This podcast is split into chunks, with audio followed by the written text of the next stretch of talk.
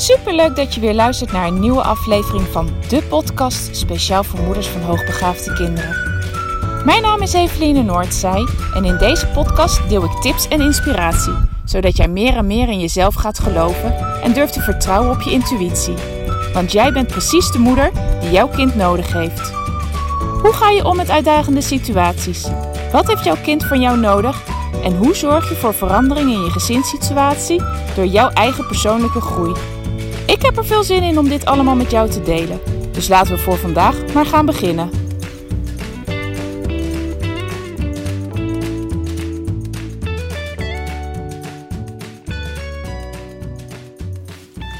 Ha, lieve luisteraars. Nou, na bijna drie weken thuis te hebben gezeten met zieke kinderen, die hebben elkaar heerlijk afgewisseld, heb ik het idee dat we er nu weer lekker bovenop zijn. Dat iedereen weer fit begint te voelen, zich weer fit begint te voelen. En dat we, nou ja, weer op pad kunnen gaan zoals we eigenlijk van plan waren de afgelopen weken. En uh, dat is er helaas niet van gekomen. Maar uh, nou ja, ik hoop dat het nu allemaal weer de goede kant op, uh, op gaat. Het duurde gewoon lang. Ze wisselden elkaar niet alleen af, maar het duurde ook gewoon lang voordat ze opgeknapt waren. En zelf heb ik dat ook ervaren. Ik ben, uh, nou denk ik wel anderhalve week uh, af en aan, heb ik me gewoon ook niet fit gevoeld. En zo ging het het ene moment gewoon hartstikke prima en lekker. En voelde ik me een andere keer zo moe, of had ik last van mijn buik, of voelde ik me misselijk. Maar ja, zo gisteren ook. Ik uh, stond eigenlijk heel energiek op. We zijn heerlijk met de kinderen gaan wandelen. Even vlakbij Slot Loevestein hebben ze een heel mooi gebied hebben we een stukje gewandeld. En gaandeweg de wandeling dacht ik al, poeh, nou, uh, ik heb het eigenlijk op, nu al wel weer gehad. We zijn ook op een gegeven moment weer omgekeerd. Ook de kinderen vonden het wel weer genoeg geweest. Natuurlijk al bijna drie weken met name thuis zit en weinig doet. Ja, dan, uh, ook zij moeten hun energie weer op, uh, op niveau krijgen. Maar toen ik thuis kwam, dacht ik echt: wow, ik voel me echt wederom weer niet lekker. En nou ja, geprobeerd het maar even lekker rustig weer aan te doen. En op een gegeven moment, s'avonds, uh, ja, toen dacht ik echt van.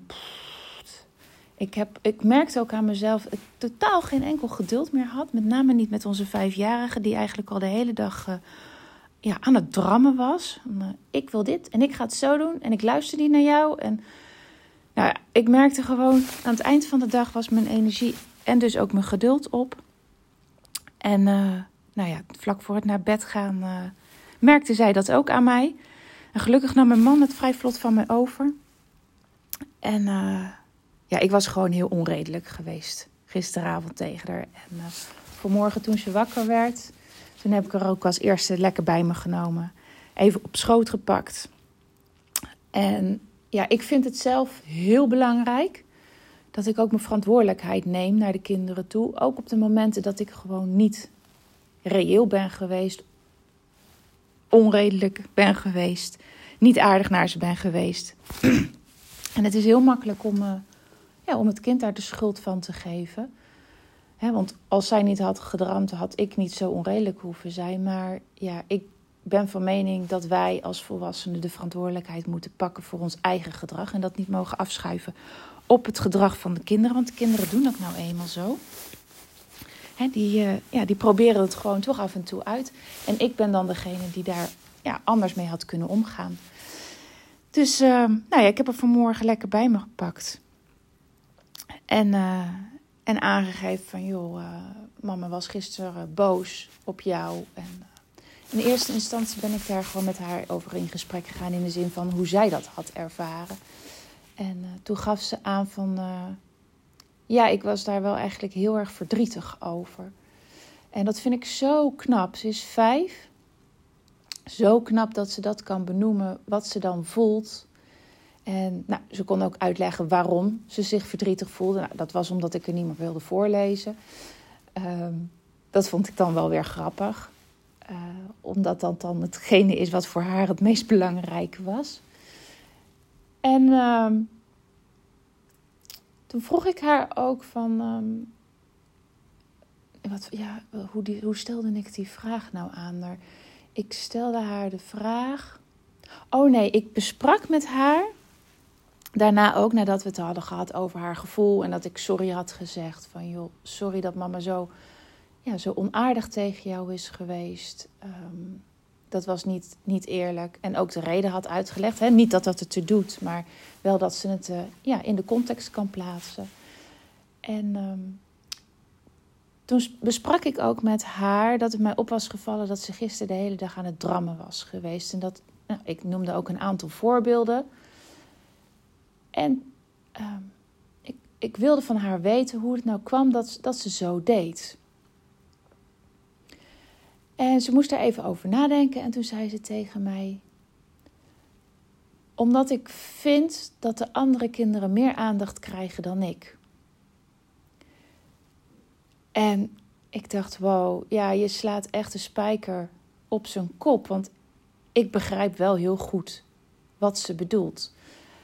Um, waar wij met de, met de andere kinderen een spelletje doen, zoals schaken, wat echt wel een hele tijd kan duren, doen we met haar even kwartetten. Dus het is in verhouding natuurlijk ook gewoon ja, vele malen minder ehm, over de dag bekeken. Zij is ook een meisje dat zichzelf heel goed kan vermaken. En ehm, ja, waar de andere kinderen dat minder kunnen. Dus je laat, ik laat haar ook makkelijker uh, eventjes haar eigen gang gaan. En toen dacht ik, ja, je hebt helemaal gelijk. En dat heb ik ook naar haar benoemd. Van ja, je hebt gelijk. Ik, ik begrijp dat je dat zo vindt. En ik, ik vind dat ook dat je dat goed ziet. En ehm, wat zou jij dan wel van papa en van mama willen? Nou, dat vond ze dan weer lastiger om, uh, om aan te geven. Maar voor mij was het wel een signaal van dat ik dacht: oké, hier moet ik dus iets mee. Op het moment dat ik wil dat het drama van haar kant er niet meer is, hè, of weer verdwijnt, of vermindert, dan moet ik dit ook echt anders gaan aanpakken. Want ze, dat drammen is niet omdat ze graag lastig wil zijn, maar dat drammen is er puur en alleen omdat ze daarmee iets wil aangeven. En blijkbaar had ze het van mij nodig dat ik haar daar rechtstreeks naar vroeg. Ondersteund met wat ik bij haar zag, voordat ze kon aangeven waar, ze, ja, waar, ze, waar haar behoeftes lagen. Dus nou ja, dat was voor mij weer een waardevolle les op deze vroege morgen. En daar ga ik zeker ook mee aan de slag.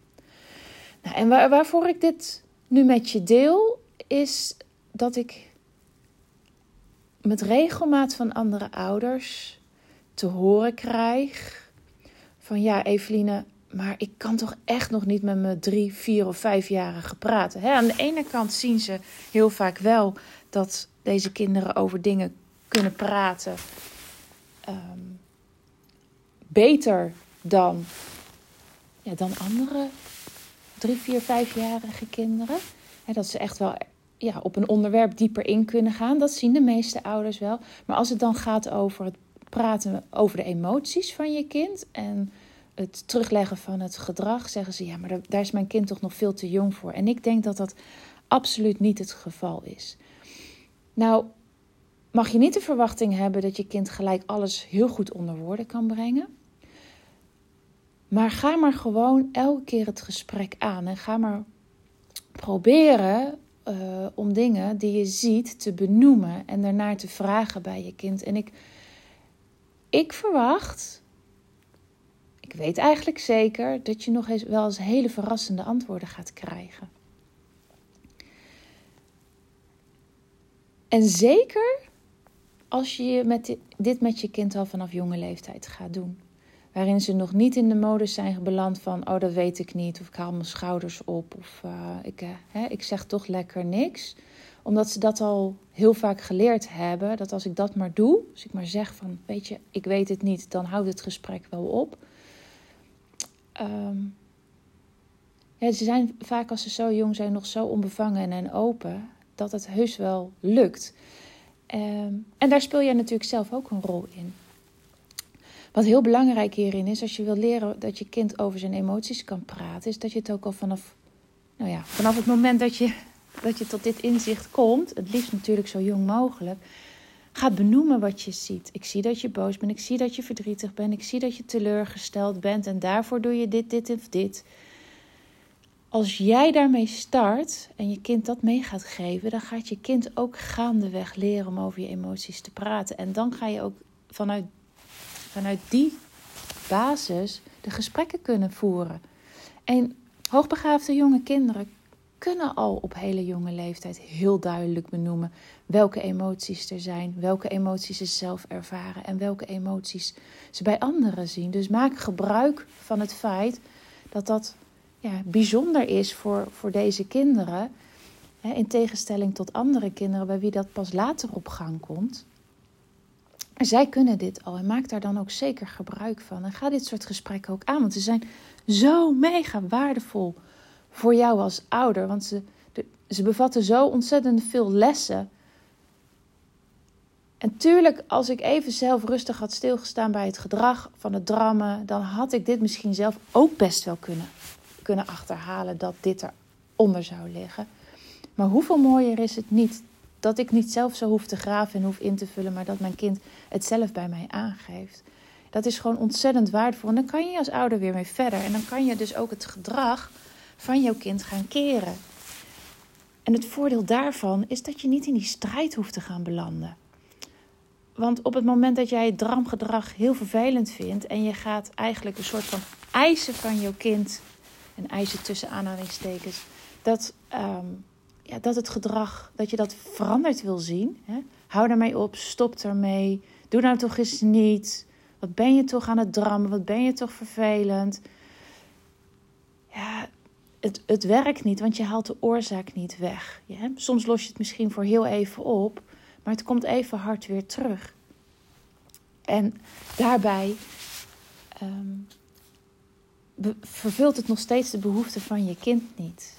En door, door op deze uh, manier te blijven reageren, kan een kind zich ook enorm onbegrepen gaan voelen. En dat is het laatste wat je als ouder wil. Je wil juist je kind begrijpen en je wil juist graag dat je kind begrepen wordt. Dus ga echt die gesprekken met je kind aan. Uh, heb niet direct hele hoge verwachtingen. Ehm, maar maar ga, ga er wel mee aan de slag. Ga daarmee beginnen. En ga ook zelf heel erg benoemen van de emoties die je zelf ervaart en die je bij je kind ziet. Ehm, en soms zal dat invullen zijn. He, soms weet je het niet en, en is het een gok. Maar dan kan je het ook zeggen van, joh, ik weet het niet zeker, maar ben jij boos omdat dit en dit er aan de hand is? Of ben jij verdrietig doordat dat wat gebeurd is? Of ik denk dat ik zie dat jij nu heel erg teleurgesteld bent. Klopt dat? vraag het gewoon na.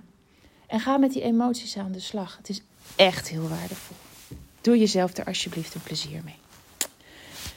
Nou, vandaag is het dinsdag. Als deze podcast online komt, is het woensdag. Weet dat je je nog tot morgenmiddag 12 uur, dus donderdagmiddag 12 uur, kan inschrijven voor de themamaand Consequent zijn en consequent blijven. Waarbij we met elkaar aan de slag gaan en waardoor jij uh, veel makkelijker consequent, consequent kan gaan blijven naar jouw kind toe. En dat gaat enorm waardevol voor jou zijn. Uh, maar ook heel belangrijk voor je kind. Dus wil je nog meedoen? Uh, dat kan. Stap in door, de, door je aan te melden via de link in deze beschrijving. En ik spreek je vrijdag weer. Groetjes, doei doei!